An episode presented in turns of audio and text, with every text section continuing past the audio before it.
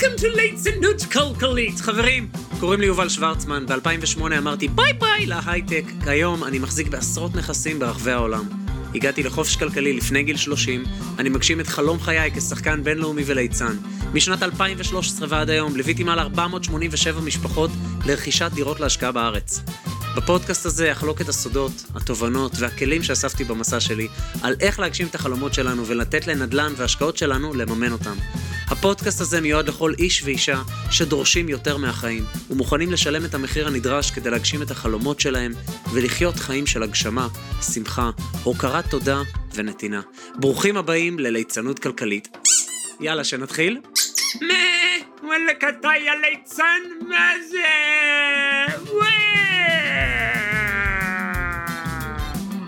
אוקיי, בואו נתחיל, די.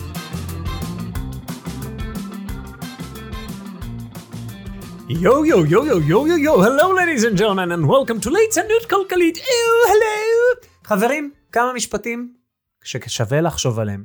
כשכולם חמדנים, תהיו פחדנים. כשכולם פחדנים, תהיו חמדנים. נעבור למשפט הבא.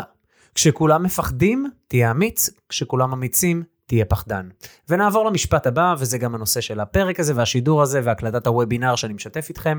כשכולם בורחים, זה הזמן להיכנס.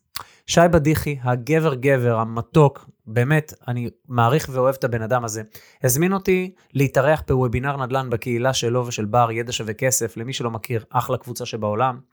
ועלו המון דברים בוובינר הזה, והנה הקלטה שלו באהבה אליכם. אז יאללה, שתהיה האזנה נעימה.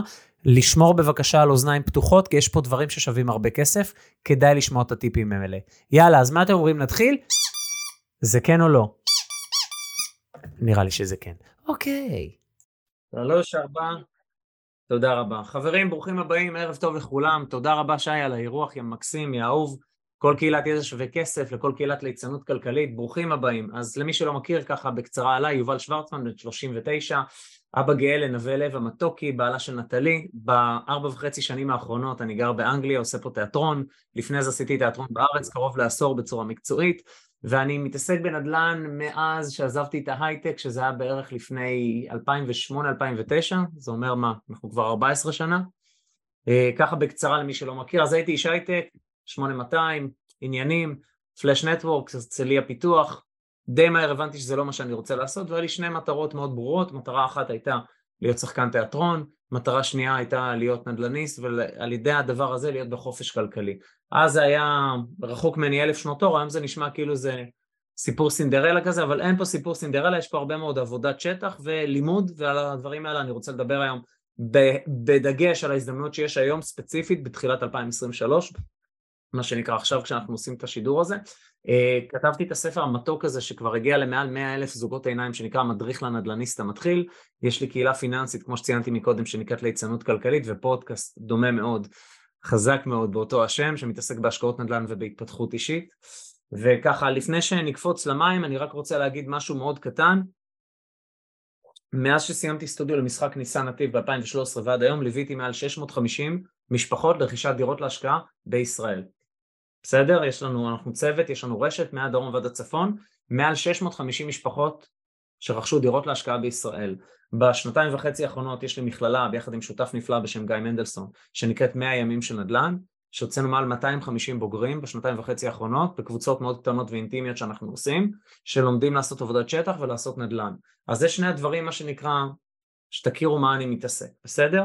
עכשיו ככה, יש פה הרבה מאוד דברים שקורים עכשיו בשוק, אני רק רוצה לעשות ישור קו, כי יש פה הרבה מאוד רמות ידע שונות בשידור, והרבה מאוד רמות שונות של תודעה שאיתנו עכשיו בשידור, אז זה מאוד חשוב לי לעשות פה איזשהו פלס. היה לי שיחה לאחרונה עם שי, שאני מקווה שזה בסדר שאתה לא תכעס עלי שאני אומר את זה, שהוא, שהוא עכשיו אוטוטו הולך לעשות עסקה פצצה בארץ, בגוש דן, פרימיום לוקיישן, כאילו ממש פריים לוקיישן, בובה של עסקה, אני גם כן הולך לעשות בקרוב מאוד עסקה פריים לוקיישן בארץ, ויש פה עוד כמה קולגות שאנחנו מדברים לאחרונה על הדבר הזה, שיש פה פתאום כל מיני הזדמנויות שצצו, שממש לא היו בשנה האחרונה, וחשוב לשים על זה את הדגש, כי מה שרוב הציבור מקבל מהתקשורת זה פשוט מסכי ערפל ובלאגן, לעומת מה שקורה בפועל. עכשיו, בהתאם לזה, גם בחו"ל דברים מאוד דומים קורים, אני עכשיו אמרתי לכם שאני גר באנגליה ואני הולך לקנות פה בית למגורים לי ולנטלי ולנווה לב ולוולי הכלב שלנו וגם כן, מצב מאוד דומה למה שקורה בארץ. אז בואו רגע נדבר על זה. אתם יודעים מה לפני זה רגע, בואו נעשה רגע ישור קו במקרו. שי תותח על בשוק ההון וכל הקהילה שלך תותחי על בשוק ההון. אני רוצה להדגיש פה משהו שאני תמיד יוצא מנקודת הנחה שהוא ברור לרוב האנשים, אבל הוא לא. שוק ההון זה must בתיק ההשקעות, זה חובה. נדל"ן זה חובה בתיק ההשקעות. אי אפשר להגיע רחוק בתיק השקעות שהוא רק שוק ההון. בסדר? מה שנקרא יובל versus הסולידית הוויכוח של 14 שנה כבר. אי אפשר להגיע רחוק רק בהשקעות בשוק ההון לעומת מה שאפשר לעשות בנדל"ן. למה? כי בנדל"ן יש כמה יתרונות מאוד חזקים, ביניהם המינוף, תכף אני אדבר על זה. אז אבל חשוב לי להדגיש את הדבר הזה. הגעתי לפני גיל 30 להכנסה פסיבית רק מנכסים, שזה היה דירות בארץ ובארצות הברית בזמנו, היום אני עושה את אותו דבר גם בארץ, גם בארצות הברית וגם באנגליה, רק בזמנו מהארץ ומארצות הברית הגעתי להכנסה פסיבית של עשרת אלפים שקל, שזה היה משכורת נטו שאז היה לי בהייטק. זה לא יכל לקרות כל כך מהר, אני הגעתי לדבר הזה תוך בערך שבע שנים, טיפה יותר קרוב לשבע וחצי, של טורבו של עשייה מאוד אסיבית של פיננסים ונדל"ן.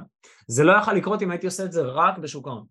אז אני רוצה להדגיש את זה וממש כאילו לצפצף את זה לתוך האוזניים של כולם. הנדל"ן הוא must בתיק ההשקעות. תחשבו שלא משנה איזה תיק השקעות יש לכם, זה כמו לרוץ על קורקינט ופתאום להיכנס למכונית מרוץ, וזה בגלל האלמנט של המינוף.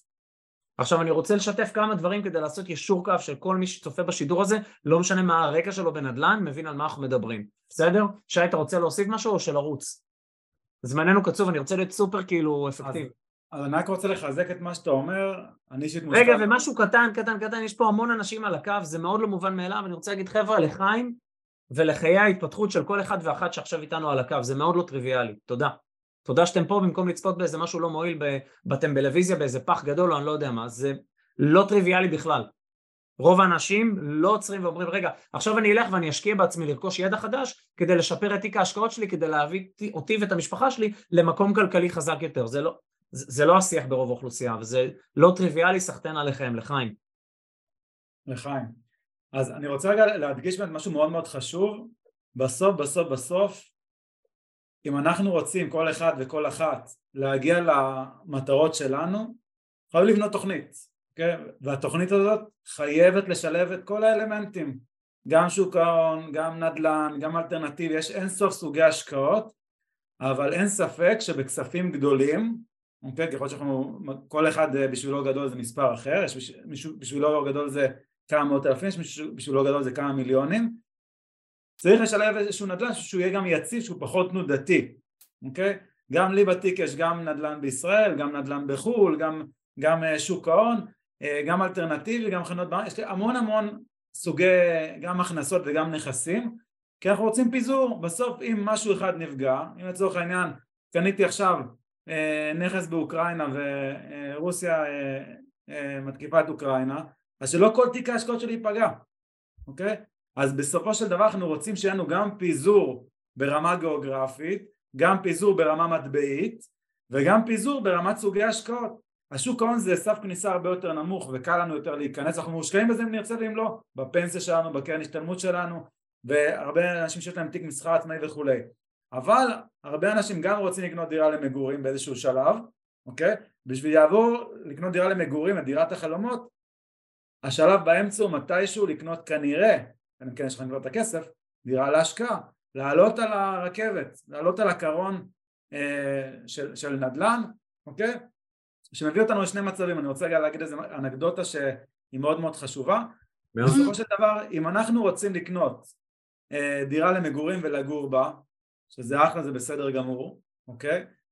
אז בסופו של דבר אם אנחנו נקנה דירה להשקעה בדרך שאנחנו קוראים לזה דירת מקפצה שתקפיץ אותנו לדירה שאנחנו רוצים אם מחירי הדירות יעלו אז גם המחיר של הדירה להשקעה שלי יעלה. אז אני אתרחק פחות זה תלוי איפה קניתי בדיוק ועסקה טובה יותר, עסקה פח, טובה פחות אבל אני אתרחק פחות מהחלום שלי לא יברח לי. מצד שני אם מחירי הדירות ירדו אוקיי לצורך העניין אז גם המחיר של החלום שלי ירד. כלומר גם המחיר של הדירה למגורים שאני רוצה תרד ואז אני, ואז אני בסדר אוקיי זאת אומרת בכל מקרה לא משנה מה, מה, מה, מה קורה אוקיי? אם, אם נכנסתי, נכנסתי לשוק אני מגן לעצמי בצורה כזאת שאם החלום שלי זה לקנות דירה למגורים אני בדרך לשם. גם אם עולה וגם אם יורד. זה היה חשוב לי להדגיש. מעולה, שי, תודה רבה. תן על עצמך באיזה משפט שניים שאנשים שלא מכירים אותך, שאולי באו מהקהילה של ליצנות כלכלית, שידעו מי אתה. מעולה, אז, אז בכמה משפטים, אז, אז אני שי בדיחי, בן 35, נשוי פלוס כלבה, ממש בעוד חודשיים אה, כבר לא יהיה פלוס כלבה, יהיה פלוס אחת אה, אמיתית, ובגדול אני מתכנן פיננסי, עוזר לאנשים להגשים את המטרות ויעדים באמצעות כלים מעולם הפיננסי, וגם יש לי עוד, עוד מספר חברות, ביניהם ידע שווה כסף, חברת מניטור, אפליקציה פיננסית, במבי, משחק קופסה פיננסי ועוד כמה חברות.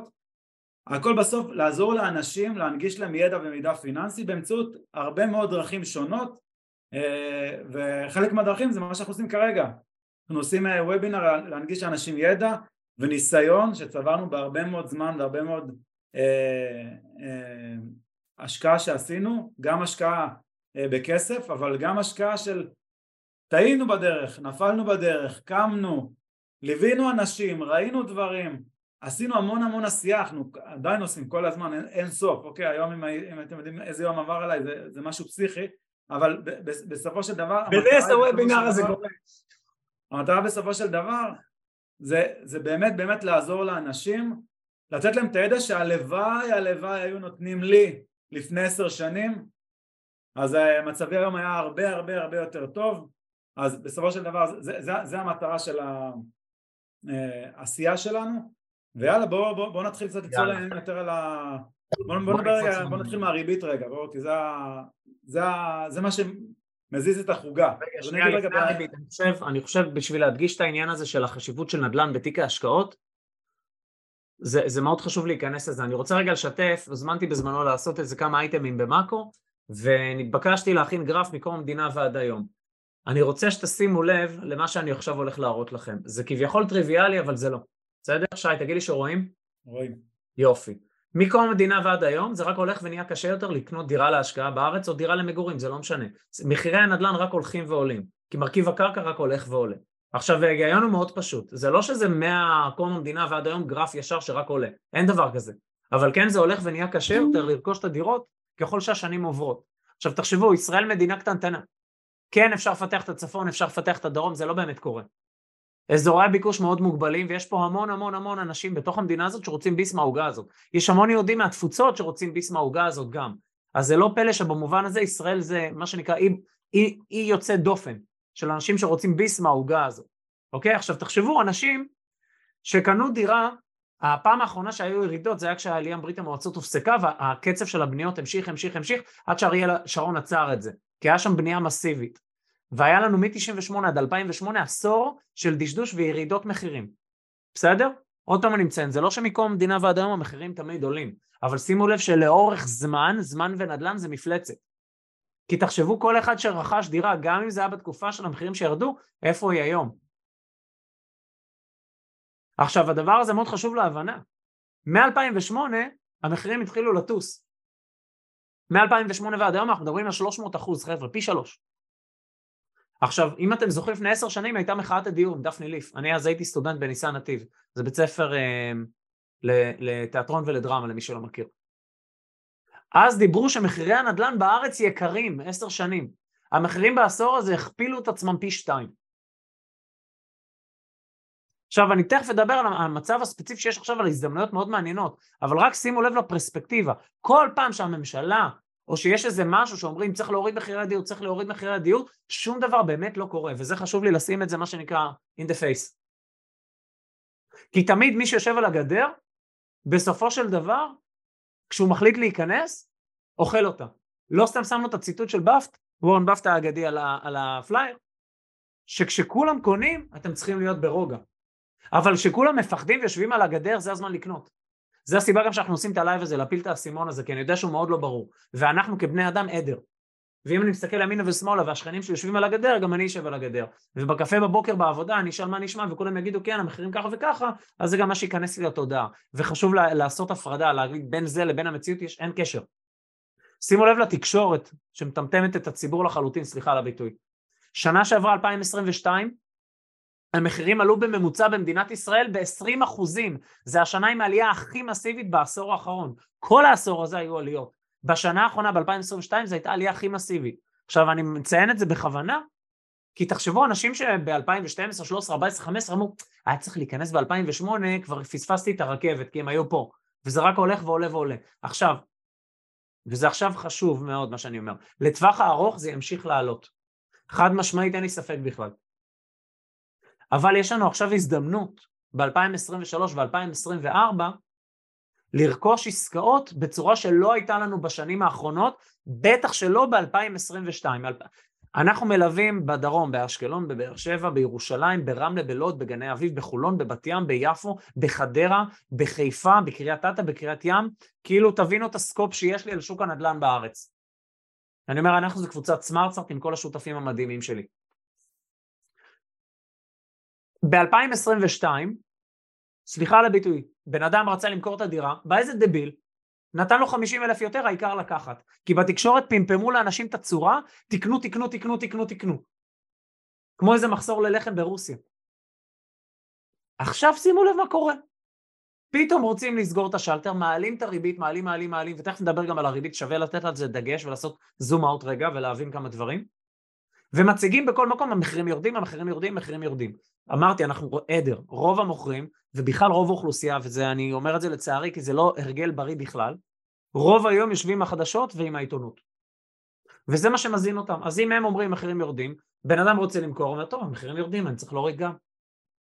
קורה פה עכשיו מאוד, תהליך מאוד מעניין בחודשים האחרונים, שהשוק עובר לאט לאט ממצב של מוכרים למצב של קונים, שוק של קונים. שוק של קונים זה אומר ששיים עכשיו עושה חקר שוק בגבעתיים והולך לכל מיני קבלנים ורואה מי נותן לו את הדיל הכי טוב על דירה יד ראשונה, או עושה את אותו דבר בשוק של יד שנייה, לא משנה. פתאום הוא מקבל דילים שב-2022 הוא לא היה יכול לקבל. כי אומרים לו, לא אתה, אז הבא בתור, יאללה, next. עכשיו, מה קרה? מה גרם למצב הזה? שהריבית שעלתה בצורה מסיבית שמה המון אנשים על הגדר. למה היא שמה המון אנשים על הגדר? כי ההחזר החודשי על המשכנתה התייקר בטירוף. אז פתאום בן אדם אומר, רגע, אני קונה, אבל אני אהיה בהחזר שלילי. השכירות לא תכסה, או שהיא תכסה, אבל אני לא ארוויח מזה, אז בשביל מה? אז זה בשביל מה? חשוב לי שתשימו דגש על הדבר הזה.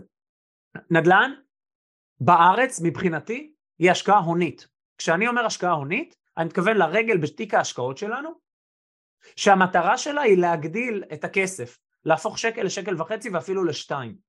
עכשיו אני רוצה לשקף עוד איזה משהו שנבין עוד פעם יותר לעומק, הכוח של הנדל"ן, אוקיי?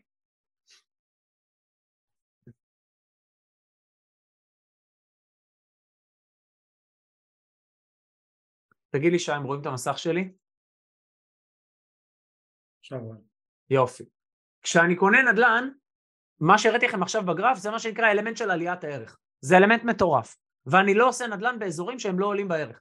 זאת אומרת, אם אני מסתכל שנה אחורה, שנתיים, שלוש, ארבע, חמש, ואני רואה סטטי, אני לא נכנס, לא נוגע. ככה אני עושה בארץ, ככה אני עושה בארצות הברית, ככה אני עושה באנגליה. בסדר? זה כבר ניסיון של 15 שנה בנדל"ן. ראיתי שוקים עולים, ראיתי שווקים יורדים, ראיתי ריביות עולות, ראיתי ריביות יורדות, המסקנות הן אותן המסקנות. כשהריביות עולות, זה הזמן שהשוק יתחיל לדשדש ולרדת, תלוי בכמה השוק באותה מדינה חזק.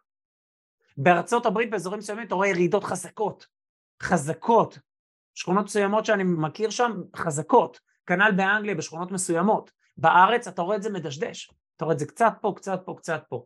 עכשיו עוד משהו שחשוב להדגיש, למקרה שאני לא אומר את זה בהמשך, אני אציין את זה עכשיו, במה שנקרא, לשים את זה על השולחן, לשבת בבית ולהסתכל ביד שתיים או בעיתונות, לא יביא לי מציאות. גם לא יביא לי שהשוק ירד, אני לא אוכל להבין אם הוא ירד או לא. שי, אתה עשית את החקר שוק שלך בצורה מאוד מסיבית, יכולת לראות מה דיל טוב ומה לא, כי ראית מלא דילים. אם אני עכשיו שם זכוכית מגדלת על שכונה ספציפית ורק בה אני רואה דירות, יהיה לי מאוד קל להבין אם זו עסקה טובה או לא עסקה טובה, כי ראיתי המון דירות. אבל אם לא עשיתי את הדבר הזה ולא התמקדתי בשכונה ולא הבנתי בכלל מי אני ומה אני ולא עשיתי חקר שוק, מה שנקרא, ישבתי בבית, גירדתי את האף והסתכלתי בחדשות וביד שתיים, אי אפשר לראות ששום דבר שהמחיר ירד, וגם אם תהיה ירידה אפקטיבית, אנחנו לא נזהה אותה. זה לא שבתקשורת יגידו, הנה עכשיו הזמן, גבירותיי ורבותיי, המחירים ירדו ב-20%, זה הזמן לצאת לרחובות, תודה רבה. זה לא יקרה, כאילו, שיהיה ברור. אני בכוונה, אני, אני שם את זה עם הכותרת הקומית, אבל כאילו, כי יש הרבה אנשים שמדבר אומרים, כן, אז כשהמחירים ירדו, אז אני אקנה. אני אומר, אבל לא חמוד, כשהמחירים ירדו אתה לא תהיה מודע לזה. ואז כנראה שהריבית תתחיל עוד פעם לרדת, ותכף נדבר גם על זה, וזה כבר יהיה מאוחר מדי. אז אני רוצה רגע להגיד על הנקודות האלה של נדל"ן, על האפקט המהותי שלו בתיק השקעות. אם אני בא היום מיליון, עזוב, רבע מיליון, 200 אלף שקל, בסדר? אני בא עם 200, 250 אלף שקל בשביל הדוגמה, אני יכול לקנות דירה שעולה מיליון. אם זה דירתי היחידה. גם אם זה דירתי הלא יחידה, אני יכול לעשות את הדבר הזה על ידי מימון בנקאי וחוץ בנקאי, תכף נדבר על הדבר הזה. אבל בגדול, חשוב לי להדגיש את הדבר הזה, תבינו, אפשר לעשות רכישה חכמה, אם אני עושה חקר שוק ואני עושה שיעורי בית. ואו שאני מוצא מוכרים עם מוטיבציה למכור, או שאני בתקופה כזאת שמאפשרת שוק של קונים, או שאני בתקופה או באזור ספציפי שיש בו התחדשות עירונית. כאילו יש פה מלא מלא מלא מלא אלמנטים, רק על הנקודה הזאת אפשר להעביר לייב שלם של רכישה נבונה, ואם תרצה שאני אעשה, בסדר? הנקודה השנייה זה מינוף, וזה הדבר הכי חשוב להבנה, לקח לי המון זמן להבין את זה. גם אם עכשיו יש לי את כל המיליון, אני לא אקנה דירה במיליון. אני אשים את המינימום שאני יכול ואני אקח את המינוף שאני יכול עד לגובה השכירות, או עד לגובה ההחזר החודשי שאני יכול להיות בו. זאת אומרת, גם אם השכירות שלי לא מכסה את ההחזר משכנתה, אבל גם ככה אני חוסך להם כל חודש אלף, אלפיים או שלושת אלפים, אין לי בעיה לזרוק את זה למשכנתה. ומה שנקרא שהדירה שלי תהיה קופת חיסכון, ובאמת לקנות דירה יקרה יותר, עם מינוף יותר גבוה. בסדר? אבל בואו. מה שנקרא כיתה א', יש לי 250 אלף, קניתי דירה במיליון, יש לי 200 אלף, קניתי דירה ב-800, יש לי 150 אלף, קניתי דירה ב-600. גם היום אגב, יש לכם לא מעט מקומות שאתם יכולים למצוא את הדירות אפילו במחירים הזולים האלה. בדיקה פשוטה ביד שתיים, אתם תראו על מה אני מדבר. אוקיי? לאו דווקא הם, כל האזורים האלה הם אזורים אטרקטיביים עם עליית ערך. אבל בוא נגיד למי שרוצה להצמיד את עצמו למדד הנדל"ן וכבר לעלות, ולעלות על מפת הנדל"ן, אחלה התחלה, עדיף מכלום. עדיף, לחלוטין עדיף מכלום. וכבר להכיר את כל הדבר הזה. כמובן שאם יש תקציב יותר גבוה או יכולת לקחת הלוואה משלימה כדי להגדיל את ההון העצמי, עדיף לקנות דירה איכותית יותר באזורים יותר חזקים שיש הרבה יותר עליית ערך ויותר ביקוש. בסדר? שי, אני בכוונה רץ כי אני רוצה לעבור פה על הרבה דברים עם החבר'ה והזמן שלנו זה. אחרי זה אם אתם רוצים, יש לנו קבוצה שפתחנו במיוחד בוואטסאפ, כל השאלות שלכם תרשמו במרוכז, אנחנו נענה לכם על הכל, שכאילו נעשה אישור קו על הכל. חשוב שתבינו את הדבר שאנחנו מדברים עליו, זה מאוד מאוד מאוד חשוב. האלמנט הבא זה הגרף שהראיתי מקודם, זה עליית הערך. אז קניתי בשכל, השתמשתי במינוף, ב-250 אלף שקל שיש לי, קניתי משהו שעולה מיליון. ואז יש לי את האלמנט של עליית הערך, עם השנים זה הולך ויהפוך למיליון חמישים, מיליון מאה, מיליון מאה חמישים, מיליון מאתיים וכדומה. דבר נוסף, וזה מה שנקרא רווח כלפי מעלה, דבר נוסף שיש לי זה רווח כלפי מטה. כי המשכנתה שלקחתי, נניח על אותה דירה שעולה מיליון או 750, גם היא לאט לאט מתגמדת עם השנים. זאת אומרת, אם אני מסתכל כעבור 3, 4, 5 שנים על דירה שקניתי במיליון והיא כבר שווה מיליון שלוש, אז יכול להיות שה-250 האלה הכפלתי אותם רק מעליית הערך, ומשחיקת המשכנתה עשיתי עוד איזה 100 או 200 אלף שקל. חשוב להבין את הדבר הזה. אני עוד פעם, אני אכנס לדוגמה הזאת. לקחתי דירה, שמתי 250 אלף שקל, נניח 750 אלף שקל משכנתה ודירה במיליון. כעבור כמה שנים אותה דירה שווה נניח מיליון 200. אז הרווחתי 200 אלף שקל בעליית ערך. המשכנתה שלי, ה-750, כבר הצטמקה, וירדה ל-650 או אפילו ל-600 או אפילו ל-550. זאת אומרת, יש לי עוד 100-150 אלף שקל בכיוון הזה. חשוב להבין את הדבר הזה, כי אנשים מסתכלים רק על השכירות. אם אני קונה דירה במיליון ואני מקבל 3,500, אז התשואה שלי היא שלוש וחצי. זה להסתכל בקטן, חבר'ה. זה ממש להסתכל בקטן, זה חוסר הבנה. כי אם אני מסתכל על נדל"ן בשוק עולה, בשוק חזק כמו ישראל, שזה ביקוש ברזל, אז אני אומר, אוקיי, רגע, אז יש לי את התשואה השוטפת, ויש לי גם את העליית ערך, ויש לי גם את השחיקת משכנתה. חשוב להבין את הדבר הזה. חוץ מהאלמנטים האלה, שזה כסף מאוד גדול. וזה מה שבנה אותי. תבינו, בזמן שהייתי סטודנט למשחק בניסן נתיב, היה לי כבר ארבע, ארבע דירות. וכל דירה כזאת עלתה בכל שנה שהייתי סטודנט, 100 אלף. זאת אומרת, על כל אחת עשיתי 100 אלף שקל, זה 400, 400, 400. עשיתי יותר ממיליון שקל בזמן שהייתי סטודנט למשחק, יותר מ-12 שעות ביום בסטודיו. מהבוקר עד הלילה, אחרי שעזבתי את ההייטק. כאילו, תבינו הפוך על הפוך. וזה עוד משהו עיקרון שאני מניח שכולם פה ברור, אבל אני אציין אותו. מ-9 to 5 אי אפשר להתעשר ואי אפשר להתקדם כלכלית, וגם אי אפשר אפילו להגיע לביטחון כלכלי מספק. הדבר הכי מסוכן זה ללכת לעבודה 9 to 5 ושיש לי תלות במקום עבודה אחד. שי כשכיר לשעבר, שמה שנקרא, הוא עוד זוכר את זה כי זה היה לא כזה רחוק, יכול מה שנקרא להדהד מאוד חזק מה שאני מדבר עכשיו. מקור עבודה אחד, או אפילו מקור עבודה של שני בני הזוג, זה סבבה, זה נחמד, זה מה שמחנכים אותנו, או אפילו מאלפים אותנו לעשות, סליחה על הביטוי. אבל זה, בלי השקעות, זה כאילו אחד הדברים הכי לא בטוחים שיש.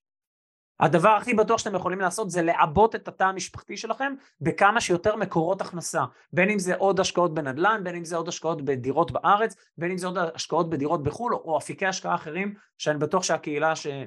כל הקהילות שפה מכירות. אבל אני אומר, הדבר הזה הוא קריטי לציין. מ-9 to 5, חבר'ה, אי אפשר להתקדם רחוק כלכלית. וזה מאוד מאוד מאוד חשוב לי להדגיש את הדבר הזה. אנחנו חייבים השקעות. עכשיו, אם אני בהשקעות שהן לא ממונפות, בסדר. אז אם נגיד אותם 250 אלף שקל, שמתי אותם באיזה תיק, וואלה, עשיתי אפילו 10% תשואה.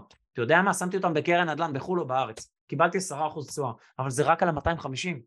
עזוב אותי מ-10% תשואה על 250, תן לי הרבה פחות אבל על מיליון.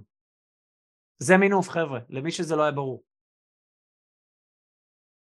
הלאה, אז אני אמרתי רכישה נבונה, מינוף, עליית ערך שחיקת קרן הלוואה. הדבר הבא כמובן, אחרי שעשיתי חקר שוק ואני מבין מה מימו, אז אני עושה התאמה לקהל היעד על ידי השיפוט שלי, על ידי ההשבחה שלי ועל ידי ההשכרה שלי, ואז אני יכול לשפר הרבה יותר את המספרים של מה שאני עושה. אבל זה מה שנקרא בונוס. הדברים המהותיים האלה, זה, זה הדברים החשובים. בסדר? ארבעת אלה. אוקיי, זה לגבי זה. עכשיו, חוקי המשחק, שוב, למי שחדש לו ולא מכיר, אני אציין את זה בזריז. דירה יחידה שאני רוכש, 25 הון עצמי, 75% משכנתה. שי, רואים? הכל טוב? רואים מעולה. יופי.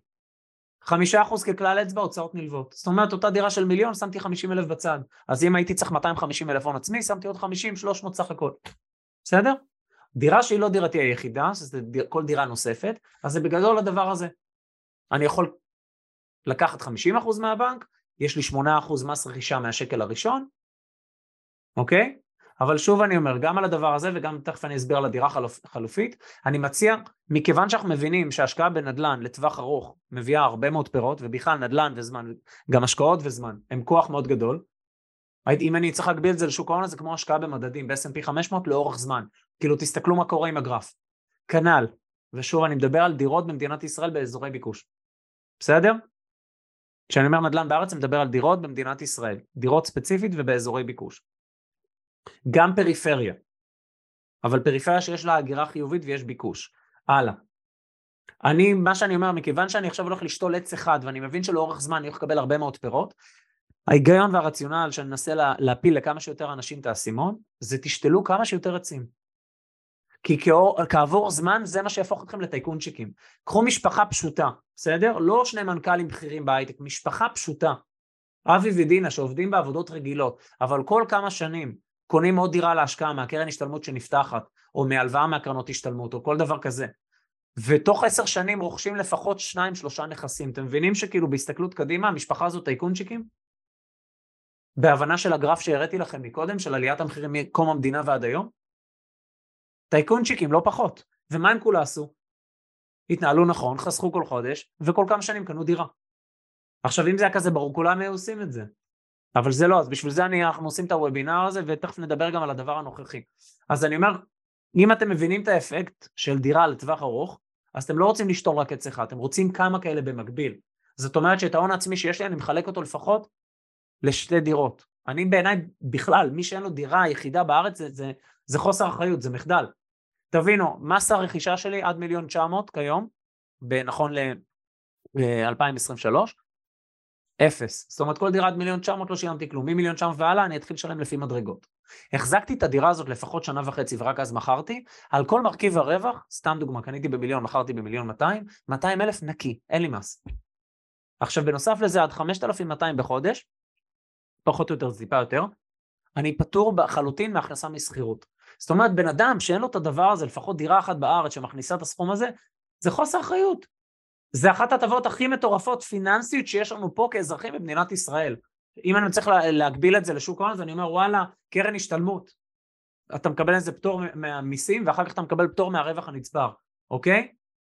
כאילו אין שום סיבה שלא יהיה לכם דירה יחידה. הוויכוח צריך להיות האם דירה שנייה או שלישית בארץ או השקעות אחרות. ואני אומר, אם אתם מסתכלים לטווח ארוך ועל גדילה הונית, שוב אני חוזר בארץ, נדל"ן בארץ, אני מסתכל עליו כגדילה הונית. זאת אומרת, לא מעניין אותי הצורה השוטפת, גם אם זה מחולק, גם אם זה מכניס תזרימית יפה, אני מסתכל על זה בעיקר מהפן ההוני, ששמתי, לא יודע מה, 200 או 300 בדירה וחוזרים אליי 600. שמתי 600, חוזרים אליי מיליון. שמתי מיליון, חוזרים אליי מיליון וחצי. שמתי מיליון וחצי, כבר חוזרים אליי שתיים וחצי. וגדל הונית והונית והונית. לא יכולתי להגיע למה שאני הגעתי היום, ואני, ואני אומר את זה, ואני, בצניעות אני אגיד, בניתי עצמי בעשר אצבעות, אני לא צריך להתבייש בכלום, לא הייתי יכול להגיע למה שהגעתי היום, אם זה לא היה נדל"ן ואם זה לא היה מינוף, ואם זה לא היה האפקט של עליית הערך. אז אולי עליות הערך בשנים הקרובות לא יהיו מטורפות כמו שהן היו, אבל לטווח ארוך הם כן יהיו, ואת זה חשוב להבין. מעבר להזדמנות שתכף אנחנו ניגע בה, אבל חשוב לי קודם ליישר את השטח על הדבר הזה. אז אם אני יכול לרכוש כמה דירות, אני אשתדל לרכוש כמה דירות, כדי לשתול כמה עצים בגינה הזאת לאורך זמן, שיהיה לי גם פירות כאלה וגם פירות כאלה וגם פירות כאלה, ולא רק סוג אחד, אוקיי? עכשיו אני בכלל, אני דוגל בדבר הזה, תיקחו לפחות 70% מימון על כל דירה שאתם קונים, ותשאירו לכם יותר הון עצמי ליותר דירות, לפחות שתיים. מי שלוקח את זה צעד קדימה, לפחות שלוש. במכללה שלנו של 100 ימים של נדל"ן, האלף בית זה לפחות של, של, של, שלושה נכסים בארץ, שלוש דירות. האלף בית, בסדר? מה שנקרא למי שלא רוצה להגיע לזה, לפחות שתי דירות. ואני מציע גם לכם בחום, אם אתם מסתכלים לטווח ארוך על נדל"ן במדינת ישראל, זה רק הולך ונהיה קשה יותר. אני רוצה לשתף אתכם במשהו קטן. רגע, שי, הדבר הזה ברור? לי זה ברור, כן. אוקיי. חבר'ה, תרשמו לנו בשאלות בסוף שאנחנו נוכל להתייחס אם יישאר זמן, מקסימום בקבוצת וואטסאפ שפתחנו ללייב הזה, אבל חשוב לי להדגיש את הדבר הזה.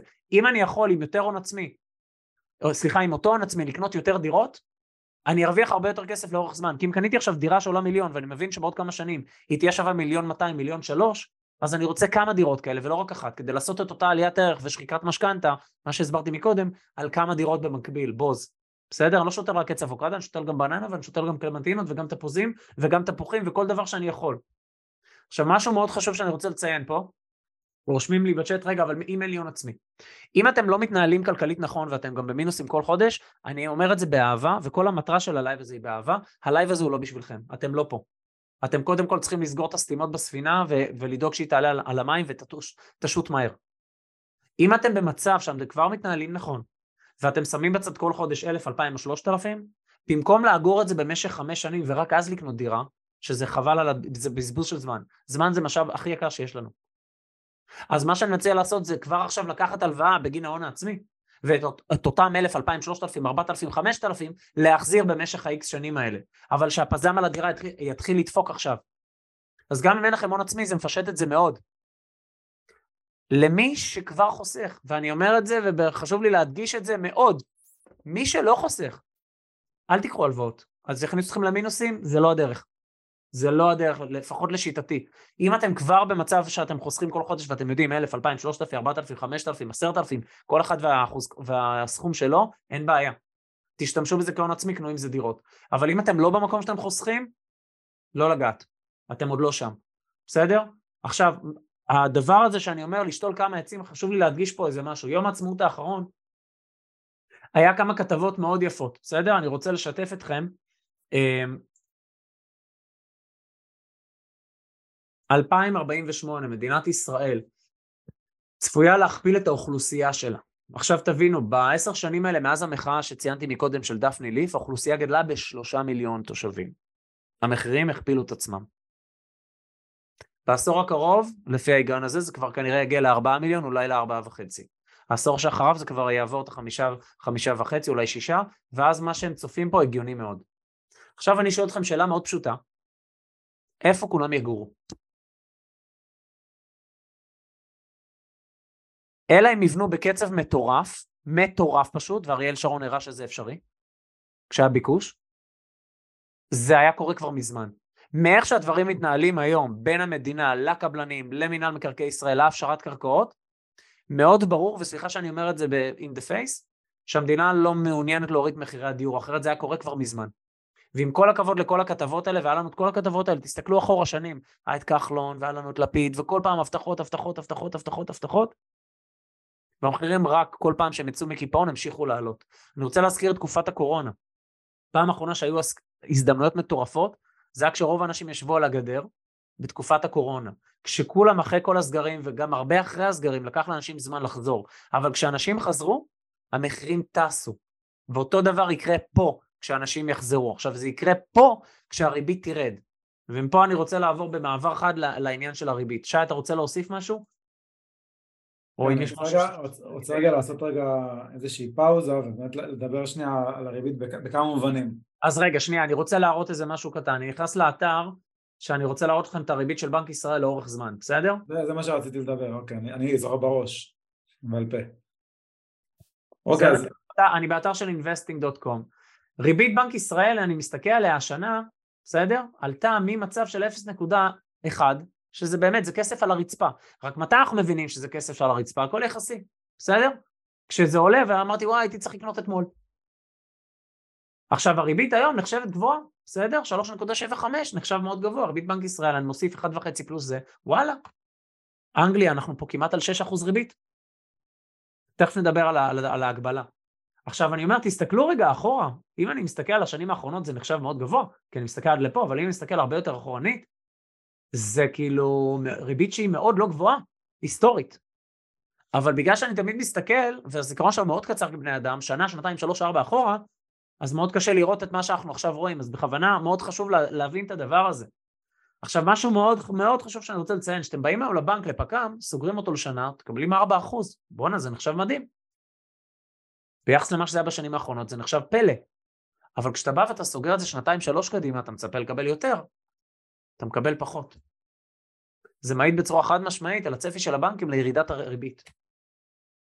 אני אחזור על זה עוד פעם, אם הם היו צופים שהריבית תמשיך ותעלה, אז הם היו נותנים לכם כמה שתשאירו להם את הכסף ליותר שנים, ריבית יותר גבוהה. מכיוון שאתם מקבלים על הפק"ם הזה, או על הריבית הזאת לשנה רק 4%, אבל אם זה שנתיים או שלוש כבר הריבית יורדת, יש פה צפי מאוד חזק לירידת הריבית. עכשיו, בנוסף לזה אני אוסיף לכם, היה עכשיו את כנס של התאחדות יוצאי המשכנתאות באילת, זה קורה כל שנה, באמת גוף נפלא, עושה הרבה סדר, עוזר להרבה מאוד אנשים טובים לקנות דירות בתעריפים הרבה יותר טובים מאשר הבנקים. למי שזה לא ברור לו, הבנק מטרתו למכור לכם כסף. לא מעניין אותו שתקבלו משכנתה בתנאים הכי טובים, מעניין אותו להרוויח כמה שיותר. אז בכנס הזה עלו כמה בכירי בנקים, וכולם אמרו בפה אחד, חברים, הריביות ילכו וירדו בשנה, שנתיים הקרובות, גג שלוש, א', ב', המחירים ידשדשו ואולי ירדו קצת, ואחרי זה ימשיכו לעלות. עכשיו זה לא עם כל הכבוד יובל השחקן והליצן מאנגליה שמדבר על נדל"ן בארץ, זה חבר'ה שהם בכירי בנקים פה במדינת ישראל. ו- ושמאים, כאילו חבר'ה מאוד מאוד רציניים וכבדים, מביני עניין. עכשיו אני אומר את זה קשה לכם לראות, כי את זה אתם לא תראו בתקשורת, זה אני מספר לכם. כי אני, אני מה שנקרא, כל הסנסורים שלי נמצאים בכנסים האלה, כי יש שם המון מידע ששווה זהב. אבל חשוב היה לי לחלוק את המידע הזה. עכשיו לגבי הריבית, רוב האנשים זה מה שיגרום להם לשבת על הגדר. עכשיו תבינו מה קורה. אני אתן דוגמה עכשיו באנגליה, ראינו בית נהדר, מחיר, מחיר שהוא מבקשים 600 אלף pound, זה בערך 3 מיליון שקל. ה-3 מיליון ש, אה, שקל האלה, אני בשביל הדוגמה, אני אומר, אני הולך לקנות את זה בין 2.5 ל-2.7. הסיבה שאני יכול לקנות את זה בין 2.5 ל-2.7 מיליון ולא 3 מיליון, זה בגלל שאין הרבה קונים בשוק. ואת אותו דבר אני עשיתי בארץ בקורונה. העסקות, אני 15 שנה עושה נדל"ן בארץ ובעולם, אחת העסקות הכי טובות, זה היה שלוש עסקאות באותו פרויקט שעשיתי, היו בקורונה. וזה היה בדיוק מהסיבה הזאת, שכולם היו על הגדר.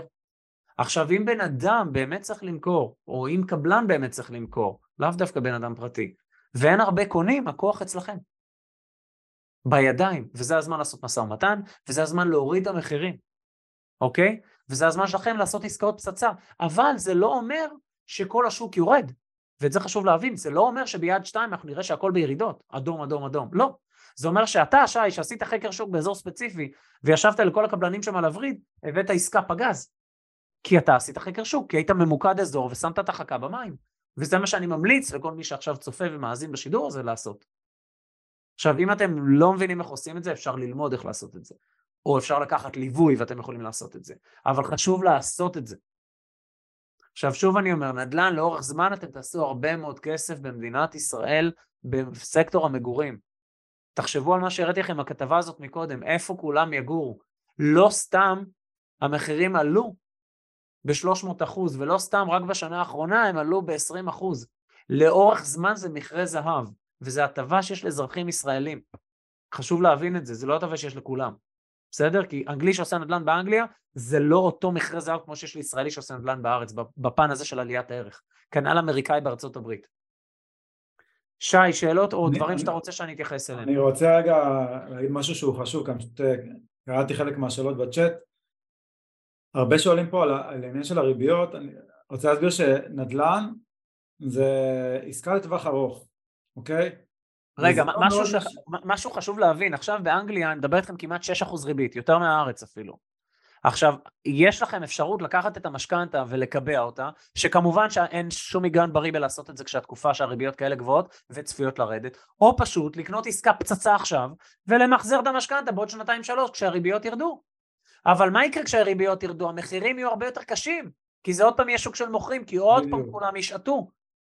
אז למקרה שזה לא ברור, אתם קונים עכשיו, כי עכשיו יש לכם הזדמנויות, כי עכשיו יש הרבה פחות קונים בשוק, ומוכר תקוע עם הדירה הרבה יותר זמן, days on the market. הרבה יותר קשה לו להביא קונה שיקנה את הדירה במחיר X שהוא רוצה, ולאט לאט המחיר יורד. כמה שאתם יותר מיומנים בחקר שוק ובמשא ומתן, אתם כבר עושים עסקאות פצצה.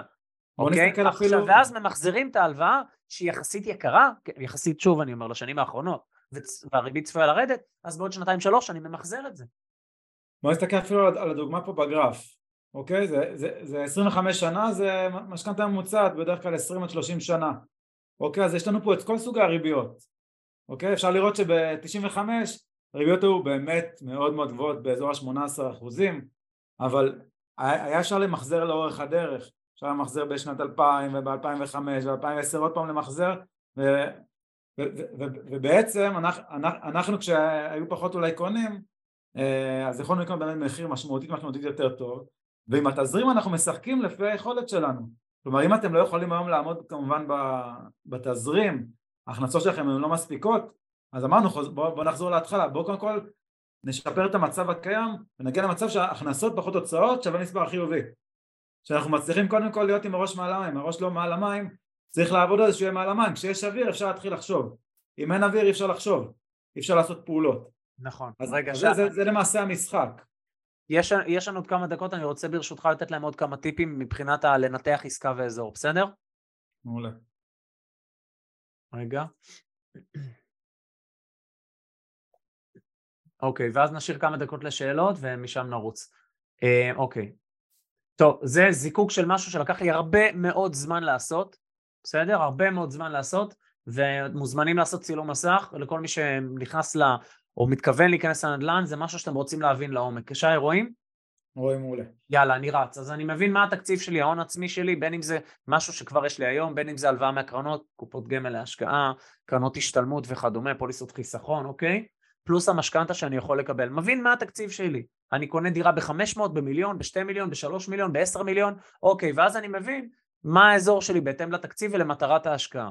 שוב פעם אני אומר, מבחינתי נדל"ן בארץ, גם אם התשואה יפה מבחינת השוטף של השכירות, זה שולי. כשאני עושה נדל"ן בחו"ל או בקרנות נדל"ן, אז אני מסתכל על התשואה. יש לנו בסמארט סטארט המכללה שציינתי מקודם שמלמדת אנשים איך לעשות. יש לנו את הליווי, את השק קמח שלוקחים אתכם מאלף עד תף, מוצאים לכם דירה, משא ומתן, משפצים לכם, מזכירים לכם, עושים עבורכם את הכל, ויש לנו גם קרנות נדל"ן, את זה שאני לא חושב שאתה מכיר בכלל.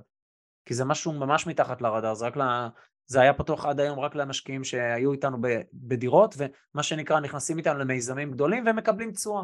אז קרן נדל"ן, שאני נותן סתם דוגמה שקל ומקבל, לא יודע מה, 10 אגורות או 7 אגורות או 8 אגורות, זה דוגמה להשקעה תזרימית. אבל דירה שאני שם שקל, לוקח משכנתה, קונה אותה ב-4 שקלים ומוכר אותה אחרי זה ב-7 שקלים, זה דוגמה מובהקת לגדילה הונית. אני מקווה שהדבר הזה מבהיר את ההבדל בין גדילה הונית לתזרימית. ודירות בארץ מבחינתי זה חד משמעית גדילה הונית. ועוד פעם אני אומר, לא יכולתי להגיע למה שהגעתי ועוד בגיל כזה, בלי האלמנט של המינוף והנדל"ן ועליות הערך. עם כל הכבוד לכל סוגי ההשקעות האחרות, וזה צריך לגאות במקביל, זה לא במקום. אז אני חוזר לסכמה, הבנתי את התקציב שלי, בחרתי אזור, באזור הזה אני עושה את השיעורי בית שלי, בו אני מתמחה. שם עכשיו התפקיד שלי זה לעשות מה ששי עשה בגבעתיים ומה שאני עושה עכשיו באנגליה ומה שאני עושה עכשיו בארץ. לעשות בדק בית ולראות כמה שיותר דירות. עוד דירה ועוד דירה ועוד דירה ועוד דירה ועוד דירה ועוד דירה ועוד דירה. מצאתי עסקה טובה, פצצה, להתחיל משא ומתן. עוד עסקה טובה, עוד משא ומתן. תבינו, שנה שעברה היינו באים לדירות, בין אם זה בליווי, בין אם זה בוגרים של המכללה שהיו כל שבוע מדווחים מה קורה בשטח, עם השאלות ותשובות שאנחנו עושים. אומרים, אני בא להתחיל משא ומתן, יום מחרת היא נמכרה. מה שנקרא, אי אפשר, אי אפשר ככה לעלות, לעלות על הבמה בכלל. כשזה. עכשיו זה המצב הרבה יותר נוח לכם כקונים. וחשוב להבין את זה ולנצל את זה, להשתמש בזה בחוכמה. אז אחרי שעשיתי את ההתמודדות... אני רוצה רגע להדגיש משהו. כן. אנחנו יודעים שאנחנו בחקר שוק באמת אה, עשינו עבודה טובה. שמישהו אומר לי שם של רחוב ו... וקומה ומטראז' ואפילו בלי לראות את הדירה, אוקיי? אני תוך כדי שינה קם בבוקר ואני אומר לו במחיר הזה אני קונה, לא אכפת לי אם בפנים אין דירה בכלל, אין ריצוף. וראית כל כך הרבה דירות שאתה רואה מודעה ביד שתיים. אני כל כך הרבה דירות שאני יודע שגם אם המקרה הכי גרוע, עכשיו אני בא. שאתמול גרה שם סבתא ולא יודע מה קרה, עדיין אני אעשה, אעשה את זה קוסמטי, אעשה, אוסיף שיפוץ ואני יודע שעדיין המחיר מספיק אטרקטיבי. זו הרמה שצריך להגיע, לא, לא משנה אגב אתם מגיעים אליה כי אתם עשיתם את זה ברגליים שלכם, או יובל לקח אתכם כמו שאומר שק קמח, או למדתם את זה ואתם עושים את זה עם חברים, לא, לא חשוב איך, איך תבחרו את הדרך שהכי טובה לכם. אבל העיקר שתגיעו לרמת ידע הזאת, בין אם אתם עושים אותה או מישהו אחר עושה אותה עבורכם, ואז אתם יודעים שהעסקה היא באמת טובה. עכשיו לפעמים כדי להגיע לרמה הזאת צריך לפספס הזדמנויות כי אנחנו לא רואים אותן כי הייתה הזדמנות ואמר יואו איך היא נלקחה. זה, זה קורה מלא. אבל בפעם הבאה אתם תהיו חדים אתם תגידו מהר כן. כי כשיש הזדמנות טובה אומרים מהר כן. וזה הרמה שצריכים להגיע בסופו של דבר בול, בול בפוני. עשיתי חקר שוק, יצאתי לשטח, הבנתי את האזור שלי בהתאם לתקציב שלי ולמטרה שלי, עשיתי בדיקות, ראיתי הרבה מאוד דירות, מצאתי אחת, שתיים מעניינות, משא ומתן על כל הדירות שמעניינות, הגעתי למחיר טוב, בדיקה משפטית, רואה שזה לא חתול בשק, שמאות, משכנתה, קניתי, אם צריך לשפץ, להשביח, תלוי במטרה שלי, הזכרתי, תודה רבה. נקסט, חוזר חלילה לדירה מספר 2, חוזר חלילה, המלצתי לפחות 3, אבל אני מבין ש... לאנשים לפעמים קשה עם הקונספט הזה, אז אני אומר לפחות דירה יחידה, זה חד משמעית מי שאין לו זה מחדל, זה חוסר אחריות, ועל זה כבר דירה נוספת, דירה מספר 2. אז לפני שנעבור לשאלות ותשובות, עוד פעם אני, אני רוצה להדגיש את הדבר הזה. אני היום מתעסק בדברים שאני הכי אוהב בזכות הכוח שהנדל"ן עשה עבורי. ואני מנסה להפיל לכמה שיותר אנשים את האסימונים, מה, מהיום שהתחלתי להפיץ את זה, וזה בדיוק המסר. חבר'ה, כאילו תבינו את הכוח של הנדל"ן וכמה זה מהותי בתיק ההשקעות שלכם, בסדר? אני יכול לעזור לכם ברכוש דירה, מה שנקרא בליווי, בסכמח, אני יכול לרכוש לכם, ללמד אתכם איך עושים במכללה שלנו 100 ימים של נדל"ן. אגב, שבוע הבא, החודש, אנחנו מתחילים את מחזור 6, אז אתם מוזמנים להגיש מועמדות, שי ישלח לכם לינקים לכל מה שאתם צריכים, בסדר? אבל הדבר הזה מהותי להבנה, וכאילו, אם לא עושים נדל"ן, הגדילה הכלכלית הרבה יותר איטית. עכשיו אני אומר, אפשר לא ללמוד, ואפשר לא לעשות ליווי, אבל מה שיקרה בפועל זה שלא תהיה עשייה. ב-99.9 מהמקרים. אבל אני אומר, בלי קשר אליי, תעשו, תלמדו, בלי קשר אליי, תלמדו, תעשו ליווי, לא משנה מה, תעשו, תעשו, תעשו, תדאגו להיות אנשים שיש להם נכסים. אל תהיו כמו רוב האוכלוסייה, לא, עכשיו ככה וככה, ריבית גבוהה, אז אני על הגדר, להפך. יאללה, שי, שאלות שתרצה שניגע בהן בזמן שנשאר. כן, אז בואו נראה, אני אחזור קצת אחורה, אה, היו פה יחסית הרבה שאלות, אבל בואו נראה דברים שחוזרים על עצמם. אה, רגע, אני, אני רוצה לציין, שי, חבר'ה, ההזדמנויות הוא גם ביד שנייה וגם בדירות חדשות מקבלן, יש לכם הזדמנויות נפלאות בשתיהן. גם קבלנים עכשיו שאין להם הרבה קונים והיו רגילים למכור כמו לחמניות, מנתקים את החגורה, וזה הזמן שלכם אחרי שעשיתם חקר שוק, הנה יש פה דוגמה יפה בשם שי, לבוא ולהגיד אין בעיה, אבל זה המחיר שאני קונה ואני מוריד פה ואני מוריד שם ואני מוריד זה, ועושה את התנאים, בין אם זה יד ראשונה או יד שנייה. בסדר? אין פה, זה תלוי למי, כי אם אתם יכולים לקנות יד ראשונה ואין לכם בעיה לקבל את הדירה הזאת עוד שנתיים, שלוש או אפילו ארבע, כנ"ל אם זה תמה, בסדר? ולעמוד בינתיים במימון, באותו מרכיב של המימון, בין אם זה עם הצמדה או בלי הצמדה, סבבה, אחלה עסקה. אבל שוב, אותו עיקרון, לעשות חקר שוק, להתביית על אזור, להבין את המחירים ולעשות את הדברים בצורה חכמה. שי. בדיוק שאלו על, על תמה, אז אם כבר התחלת לדבר על תמה, מה... אני חושב ש... פה הדעות חלוקות, אז מה, מה דעת? אני חושב שתמה יכול להיות לא סתם פרויקט פצצה, הרבה יותר לפעמים באזורים מסוימים מדירות חדשות מקבלה. אני אתן לדוגמה את בת ים, שעשינו שם המון עסקאות בשנים האחרונות. תמה שם, אם זה מקבלן טוב, הרבה יותר אטרקטיבי ממגדל, כי בן אדם בא ואומר, הדירה, הדירות החדשות של הקומה 4, 5, 6, 7, הרבה יותר נעים לי שם, מאשר להיות במגדל עכשיו עם 200 דיירים אחרים סביבי. אפילו שהבניין כביכול עבר חידוש והוא מה שנקרא לא חדש מהיסוד אלא חדש חיצונית פלוס מעלית ממ"ד וכדומה. אז הדירות שלמעלה, הדירות החדשות, הן מאוד מעניינות אם קונים אותן במחיר אטרקטיבי מהקבלן. כמו כן גם הדירות הישנות, אבל אז אתה צריך לעשות שיפוץ מה שנקרא גם בתוך הדירה כדי להתאים את עצמה. אם זה מיועד למכירה הכוונה, כן? אני מדבר פה על דירות להשקעה. דירות למגורים זה כבר סקס, זה כבר עניין רגשי. אני מדבר, לא, אני מסתכל פה כלכלי שכלי, בסדר? יש פה כמה שאלות ששאלו, חזר על עצמו לאנשים שלא לא הבינו לגבי השחיקת משכנתה. לא, תוכל. אם, אני קונה, אם אני קונה דירה שעולה מיליון שקל, ולקחתי משכנתה לדוגמה, לצורך אותה דוגמה ב-750, והחזרתי כל שנה, נגיד שאני מחזיר לצורך הדוגמה 50 אלף שקל, שוחק מהקרן 50 אלף שקל. אז הורדתי אותה, זה בשביל הדוגמה, אפילו עזבו 25 אלף שקל. אז כעבור שנתיים אני חייב 700, עוד שנתיים אני חייב 650, עוד שנתיים אני חייב 600. עכשיו תחשבו שבינתיים בזמן הזה לא רק המשכנתה קטנה, גם שווי הדירה שלי עלה, אותה דירה שעולה, שקניתי במיליון לא עולה מיליון, היא כבר מיליון, מיליון 200, מיליון 3, מיליון 4. שוב, זה, הקצב של העלייה, אותו אנחנו לא יודעים, זה מה שנקרא הנתון המסתורי, בסדר? אבל אם אני באזורים שיש הגירה חיובית וביקוש, תמיד יהיה לכם גם את העלייה הזאת. ובזה אתם יכולים מאוד בפשטות להיכנס למדלן וליד שתיים ולהסתכל מה היו המחירים שם לפני שנה, שנתיים, שלוש, ארבע, חמש, וגם להבין אוקיי? אם זה באזור עם ביקוש, יהיה, אתם תראו את העליות האלה. אז גם אני מרוויח מעליית הערך וגם אני מרוויח משחיקת המשכנתה. איזה עוד שאלות, שי? אה, סתם, דיברו פה כנראה לפני השקף, אבל רק אחדד, מי שהצטרף יותר מאוחר, לגבי עלויות נלוות, אז אמרנו פה אה, כלל אצבע כחמישה אחוזים, ברור שאנחנו עושים אה, תוכנית עסקית מסודרת, בדיוק כמה תיווך וכמה עורך דין זה חצי אחוז. הכלל אצבע הוא חמישה אחוז עלויות נלוות לדירה שהיא דירה יחידה. כל דירה שהיא דירה נוספת, תוסיפו לזה גם 8% מס רכישה. עכשיו, באים ואומרים, וזה הכי מוצדק בעולם, עכשיו לא מזמן שילמתי הרבה כסף מס רכישה, זה, זה מבאס, זה כואב, אבל אני אומר לכם, בהסתכלות ארוכת טווח זה מה זה זניח. גם תיווך לפעמים שעל מציאה משלמים תיווך מאוד גבוה, לאורך טווח זה זניח ברמות, כי את אותה דירה מציאה היא שלכם, עליית הערך היא שלכם, שחיקת המשכנתה היא שלכם, אתם אלה שנהנים מהכסף הגדול. חשוב להבין את זה, עם כל הכבוד לאותם 8%, וזה באמת מעצבן. יש פה שאלה איך אנחנו מגיעים לדירה שנייה אם אנחנו לא בתזרים חיובי, כלומר השכירות לא מכסה את המשכנתה. אם אני, אז התייחסנו לזה, אם, אם אני, אם התא המשפחתי שלי, אנחנו היום כבר חוסכים 1,000, 2,000, 3,000, אין לי בעיה שזה יכסה את התזרים השלילי. אם אני לא במקום הזה, אז לא. אז קודם תתחזקו מה שנקרא מבחינה תזרימית על ידי הגדלת הכנסות, ואחר כך תעשו את המהלך הזה. מעולה, אז אני רק אחדד אם זה לא ברור, יש לנו גם הכנסה כי אנחנו או שכירים או עצמאים או לא משנה מה, אוקיי?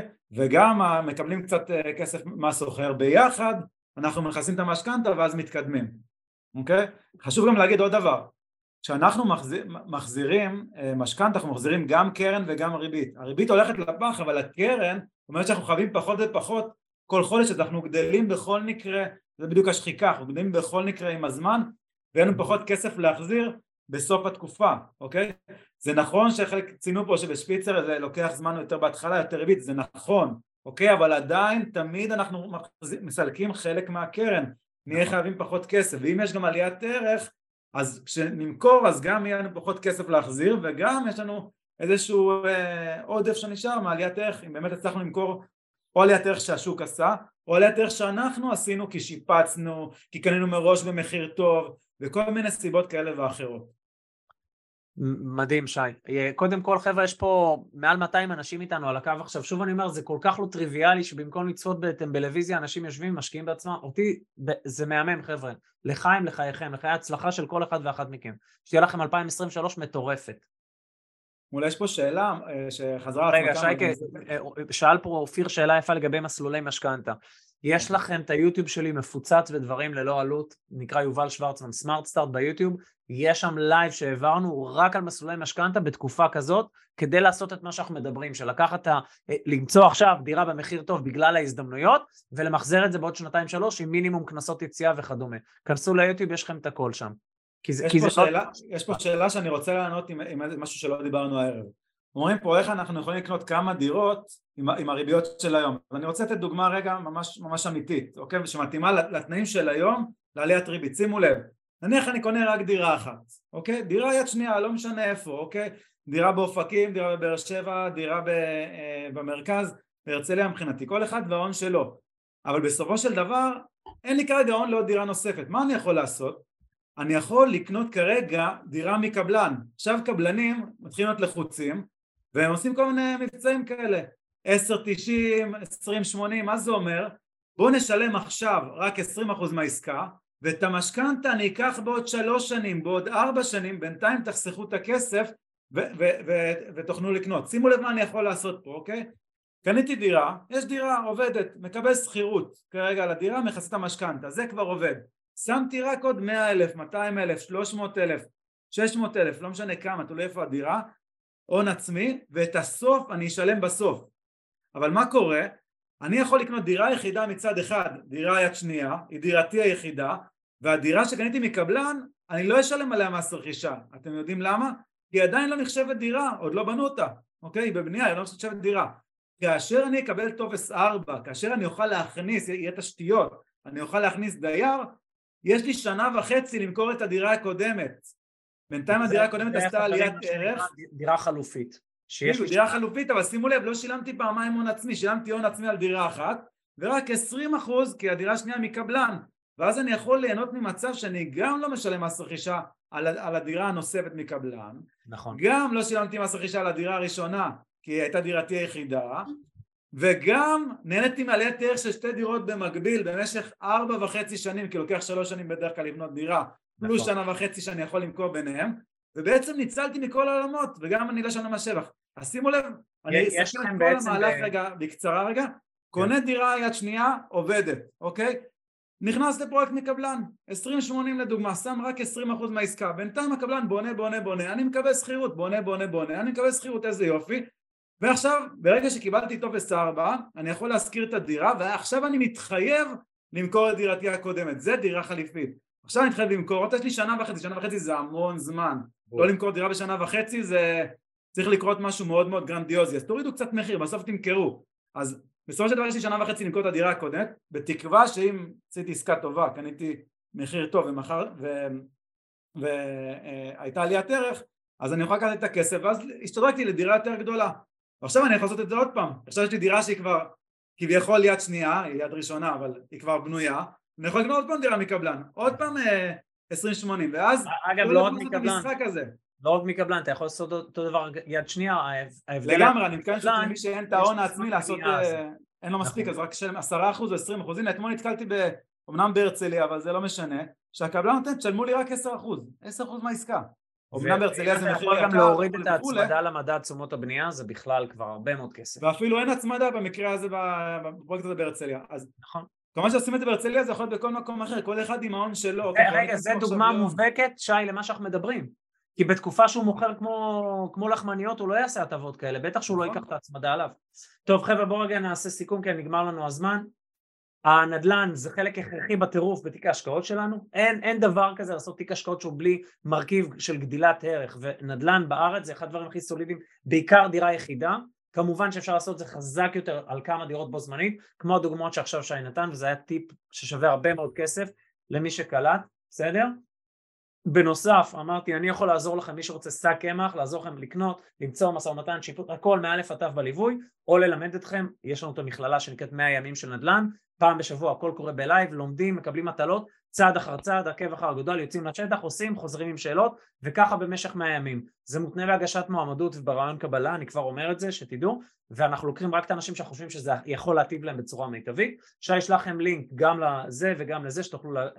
למי שמתאים מה וללכת על זה וככה לסיום אני רוצה להגיד אני רואה פה שיש עוד תעשו- הרבה- עוד הרבה שעות, אני אל- רק חייב אל- להגיד אל לכם תהיו ש- על הגדר שאנחנו, אנחנו, אה, אני שם לכם עכשיו את הלינק לקבוצת וואטסאפ, אוקיי?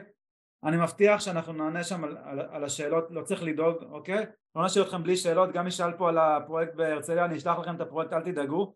אנחנו חייבים לסיים מסיבות שלנו אישיות, אז, אה, אז בסופו של דבר תיכנסו לקבוצת וואטסאפ, אה, אה, תשאלו שאלות, נשלח לכם גם מי שרוצה לעשות, ללמוד איך עושים בצורה יותר מעמיקה, מי שרוצה לשאול אותי על העסקה שאני עשיתי בשמחה אני אשתף גם על זה, מי שרוצה לשמוע את ההקלטה ומישהו אמר פה שהיה מאוד מהיר אז היה לנו המון המון תוכן להגיד בזמן יחסית קצר, תוכלו לשמוע את ההקלטה, ההקלטה תצא מחר, אוקיי נשים את זה בקבוצת וואטסאפ, יש פה שאלה על העלות של הליווי של, יובל, גם את זה אנחנו נשים את העלויות, הכל אנחנו נשים בקבוצת וואטסאפ, לינקים שתוכלו להשאיר פרטים, לשאול את כל השאלות שיש לכם, מבטיחים לשאול אתכם אף שאלה, מעולם לא קרה שמישהו פנה להם שאלה, אני בקבוצת וואטסאפ יכולים לשלוח לי הודעה בפרטים, הכל בסדר, אז תיכנסו לקבוצת וואטסאפ ואנחנו נמשיך משם, אה, מחר אנחנו נענה על כל השאלות, נשלח את כל הלינקים מסודר, אה, מי שרוצה שק קמח עם יובל, מי שרוצה ליווי, מי שרוצה סתם להתעניין שנפתור לו את הבעיות ומי שרוצה לשמוע את ההקלטה כי לפעמים צריך לשמוע משהו פעם, פעמיים ושלוש, בום, האסימון נופל בפעם השלישית וכשהוא נופל זה צ'יצ'ינג אבל צ'יצ'ינג בנדל"ן לאורך זמן זה יכול להיות הרבה מאוד כסף. אני רוצה ככה שי קודם כל תודה על האירוח ותודה יש פה עכשיו המון אנשים על הקו זה מאוד לא טריוויאלי תודה. לכל מי שהיה פה תודה לך על האירוח. חבר'ה אני רוצה להבהיר שזה אפשרי לקחת את העתיד הכלכלי שלכם ושל המשפחה שלכם ולהביא את עצמכם למקומות שאתם רוצים להיות שם. אני אומר לכם שזה אפשרי אני דוגמה לדבר הזה אני כל החיים זה מה שאני מנסה להפיל לאנשים את האסימון הזה זה אפשרי. ונדל"ן זה חלק מהותי מהדבר הזה. אני מקווה שעשיתי משהו מה שנקרא בלייב הזה כדי להפיל לעוד כמה אנשים את האסימון הזה. שיהיה לכם לילה מקסים ושיהיה לכם שבוע מדהים ושי תודה עוד- רבה על עוד האירוח. דבר אחרון. הקבוצה כרגע אה, אה, סגורה שאתם לא יכולים להגיב. אנחנו נפתח זמן מיועד שתוכלו להגיב לשאול את השאלות. אנחנו לא רוצים שזה יופצץ ויחפור לאנשים עכשיו בלילה נפתח לכם זמן מיועד ותוכלו לשאול והכל בסדר אל דאגה לא נשאיר אתכם עם אף שאלה לא, לא פתורה לילה טוב. לכולם, באמת תודה, תודה רבה, זה לא מובן מאליו שהצטרפתם אלינו פה הערב ככה בלייב הזה, ומקווים שתעשו נדל"ן, אוקיי? יאללה חברים, שיהיה. לילה טוב. ביי.